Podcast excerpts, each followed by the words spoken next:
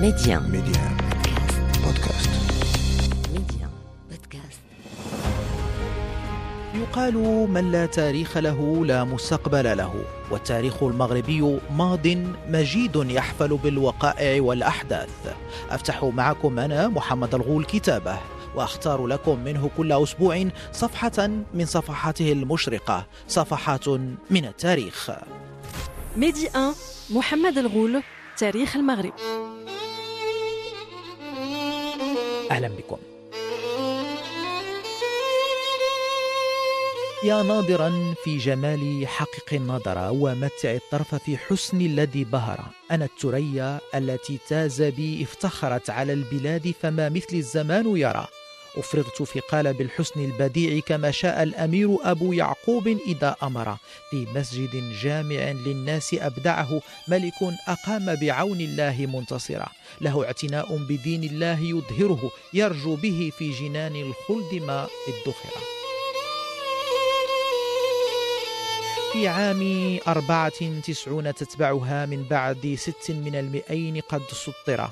تاريخ هذه التريا والدعاء لأبي يعقوب بالنصر دأبا يصحب الظفر هذه الأبيات الشعرية هي في الحقيقة لشاعر مجهول لكنها أصبحت تشكل جزءا من تاريخ المدينة العريقة تازة وبل شهادة على هذه العراقة كيف ذلك؟ هذه الأبيات الشعرية تم نقشها على ثريا ضخمة تزين المسجد الأعظم أو الجامع الكبير وهو مسجد يفخر به أبناء تازا ويعود تاريخ بنائه إلى الفترة المارينية التي شهدت أوج الحضارة والازدهار سواء العلمي والمعرفي كما العمراني والتجاري لهذه المدينة ويكفي الإشارة إلى أن هذه الثريا تعد تحفة في حد ذاتها وفريدة من نوعها في العالم أجمع وتصبغ بنورها مرتادي هذا المسجد العتيق منذ أمر بصناعتها السلطان الماريني يوسف أبو يعقوب في العام 694 هجرية الموافق للعام 1294 للميلاد.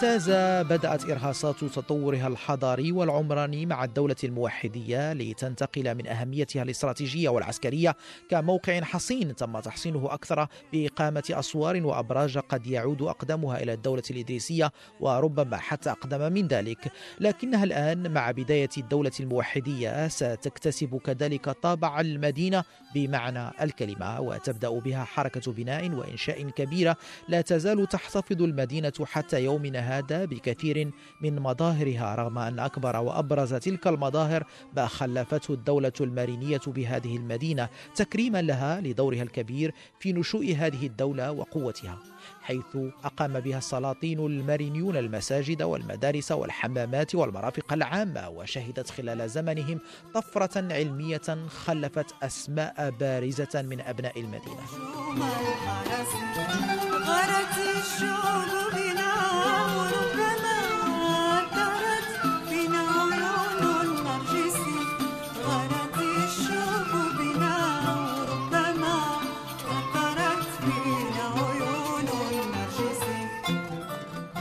وبخصوص المدارس يقول المؤرخ والباحث في تاريخ المدينة محمد العلوي الباهي في كتابه علماء تازا ومجالسهم العلمية. هي المدرسة اليوسفية أو مدرسة الجامع الكبير التي بناها أبو يعقوب يوسف ثالث ملوك المارينيين هذه المدرسة التي سيستمر إشعاعها مع الدولة العلوية حيث احتفى واهتم بها المولى الرشيد.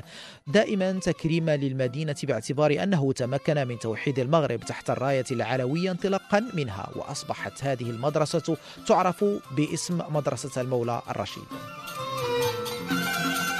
ثم يقول المؤرخ محمد العلوي الباهي هناك المدرسة الحسنية التي بناها السلطان أبو الحسن علي سابع ملوك بني مرين في ساحة المشور بتازا العليا وصارت في عهده فرعا تابعا للقرويين. وثالث أثاف العلم هي المدرسة العنانية التي أسسها أبو عنان فارس ثامن ملوك بني مرين. في عين أنملي وراء أسوار المدينة خارج باب الجمعة التحتية. وهذا يدل ربما على التوسع العمراني الكبير للمدينة أثناء الدولة المارينية وتجاوز العمران لأسوار المدينة بكثير.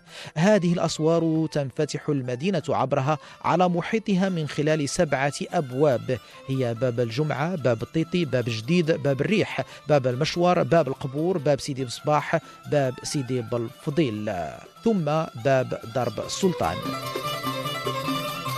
من هذه الأبواب السبعة اختار الشاعر على الحجام في تغريبته أكاسيا الحنين الاحتفاء ببابين كاتبا. لتازة بابان باب لفجر المدينة ترنو وتصفعها الريح وباب لقلب الحبيبة أغنية للجنائن تهفو لطير أليف.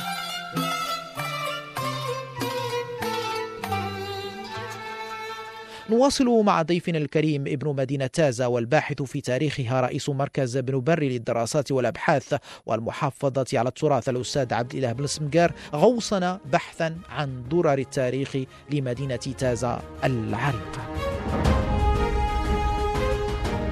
أشرت إلى عملية التحصين.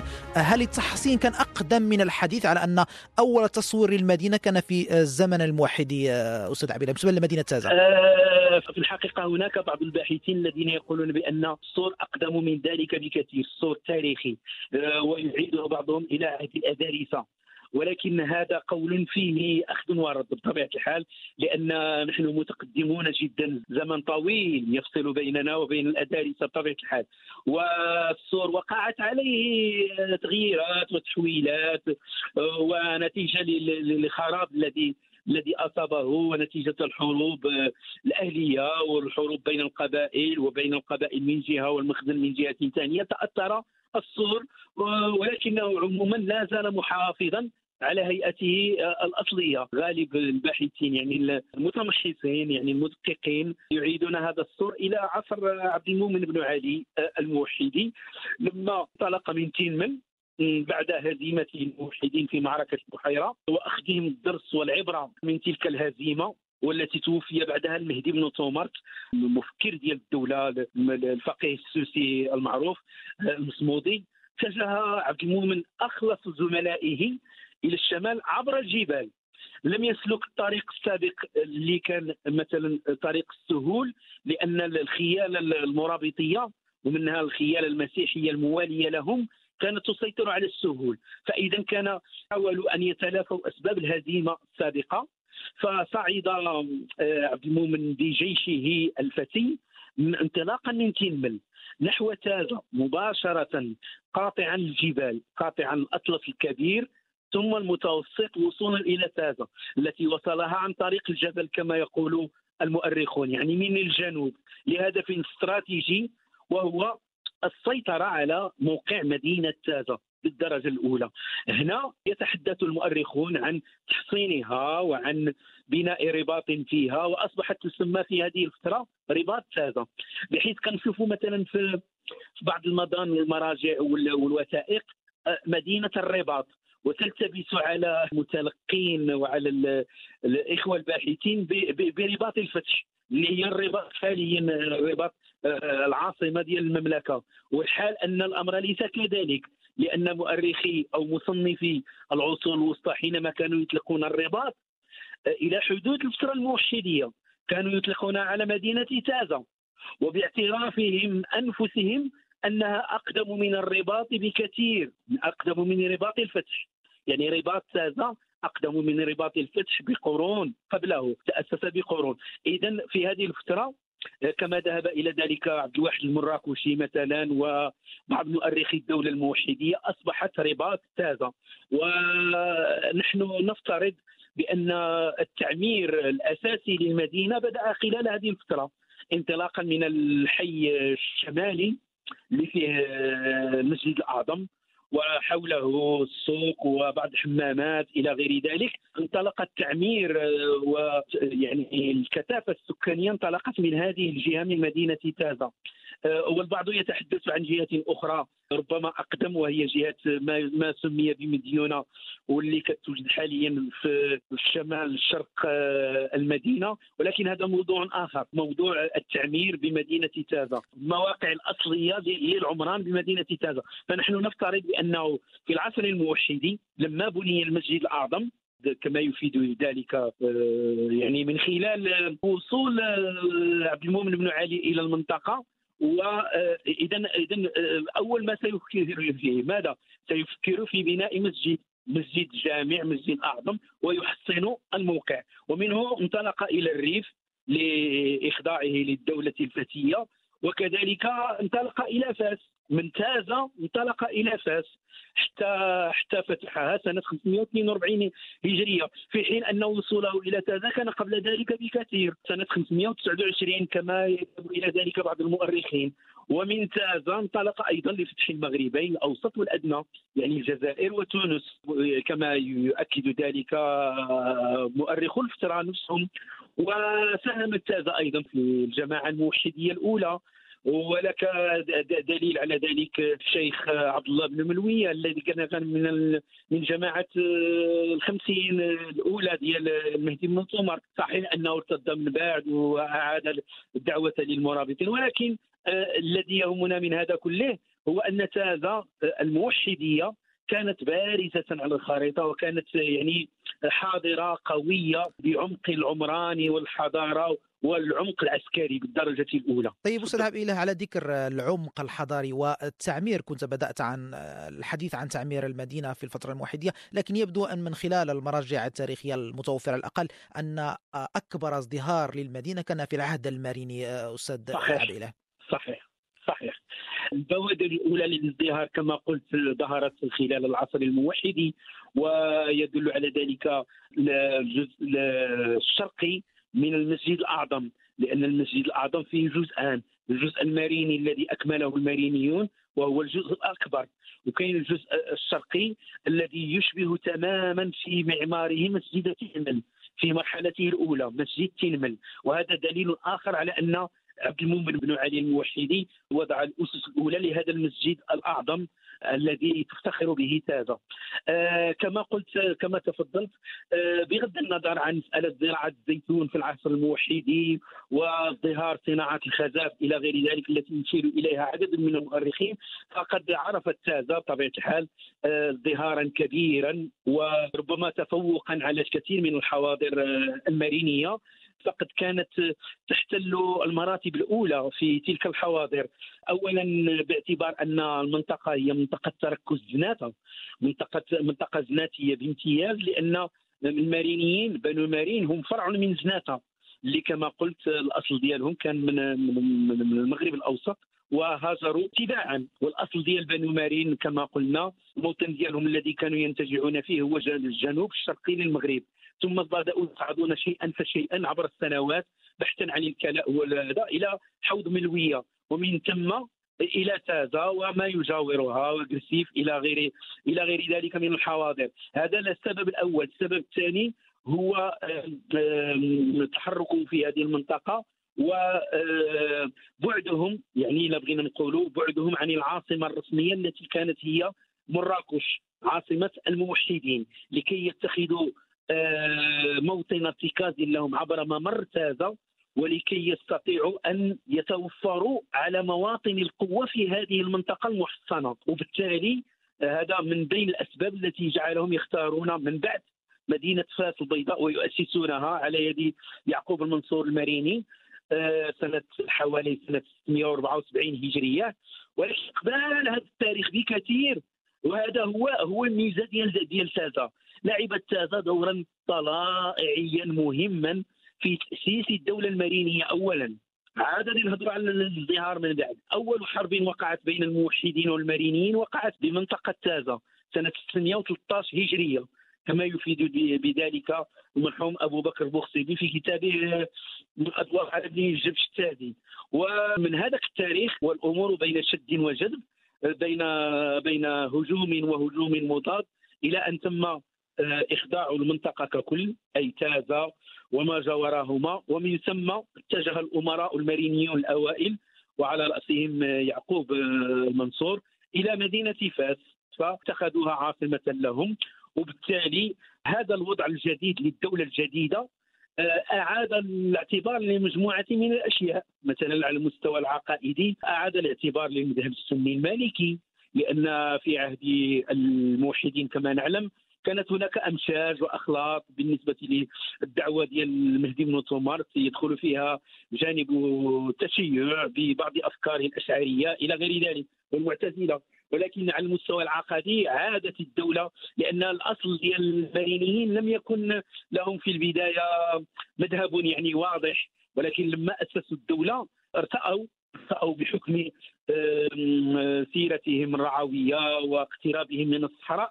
ارتأوا ان أن يرسخوا مذهب أستاذ عبيله هل هل من هنا مالك في المنطقة؟ هل من هنا الازدهار الثقافي والعلمي في هذه الفترة لمدينة تازا بتأسيس المساجد والمحاضر العلمية والمدارس ربما كذلك؟ صحيح. آه، تازا ازدهرت خاصة في العهود الأولى وفي صدر الدولة المارينية. إلى حدود إلى حدود الفترة التي بدأت فيها تتدهور الدولة الماليه بفعل الصراعات الداخليه صراعات بين بين السلاطين والأمراء وصراعها أيضا مع بني عبد الواد مع بني عمومتهم بتلمسان. وبالمناسبة فإضافة إلى الدور العسكري الذي لعبته في صراع بني عبد الواد مع بني مارين الصراع الطويل المهلك الذي كان مهلكا بالنسبة للطرفين. فإضافة إلى هذا الدور كما قلت وتفضلت آه، كان هناك دورا حضاريا كان هناك دور حضاري آه، مهم لتازا خلال هذه الفترة. إلى جانب المدن الأخرى بطبيعه الحال كفاس وسجل آه، ماسا وسالا وغيرها من المدن المارينية وطنجة. مثلا هذا المظهر يمكن اختصاره فقط في لأن إلى جينا نذكروا عليه راه كاينة أشياء كثيرة وكثيرة جدا. أه، نذكر فقط مثلا تأسيس أه، أو توسيع المسجد الأعظم سنة 694 ووضع الثوريه الفريدة من نوعها التي تبلغ 32 قنطار بمعيار تلك الفترة. وليس بالمعيار الحالي و314 مصباح وعليها آيات بينات من الذكر الحكيم. وكذلك قصيدة مشهورة مجهولة الشاعر وإن كنت أرجح أنه شاعر أندلسي. يا ناظرا في جمال حقق النظر ومتع الطرف في حسن الذي بهر أنا الثريا التي تازا بي افتخرت. على البلاد فما مثل الزمان يرى.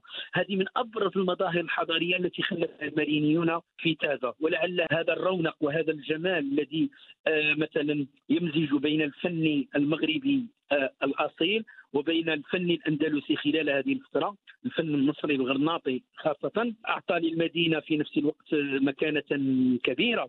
وفي المحصلة يمكن اعتباره نوع من العرفان الاعتراف.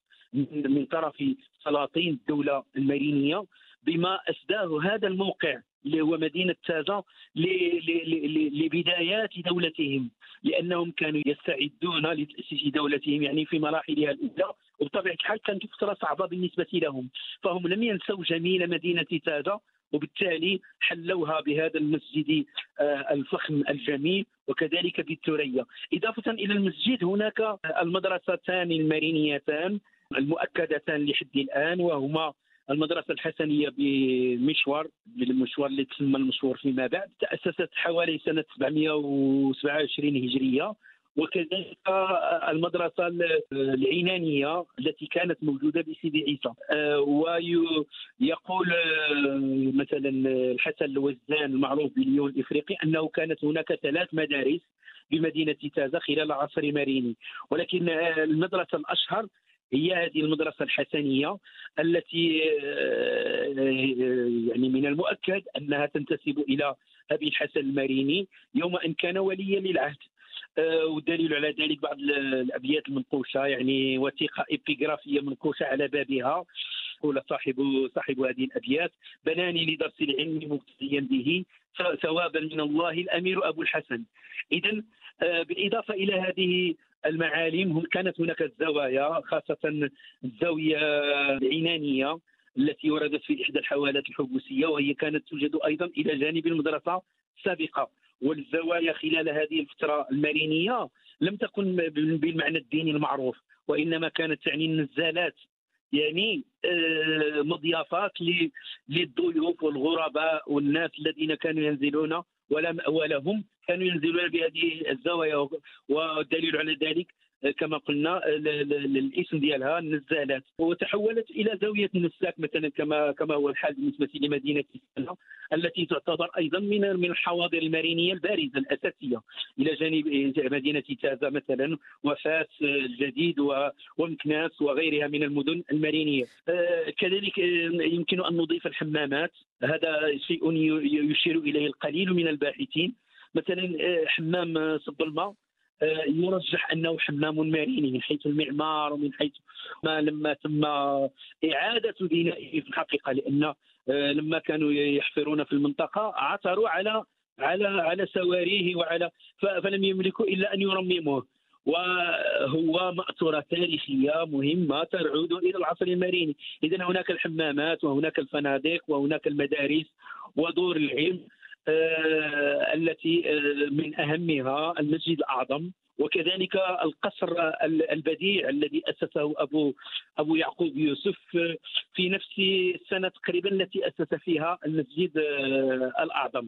وهناك العديد من أسماء الأعلام التازيين الذين برزوا خلال الفترة المارينيه نذكر من بينهم العلامة إمام القراء المغاربة مثلا آه، الحاج علي بن بري كما يقول له الأهالي أو ابن بري التازي علي ابن بري التازي صاحب المنظومة في أصل مقرأ الإمام نافع.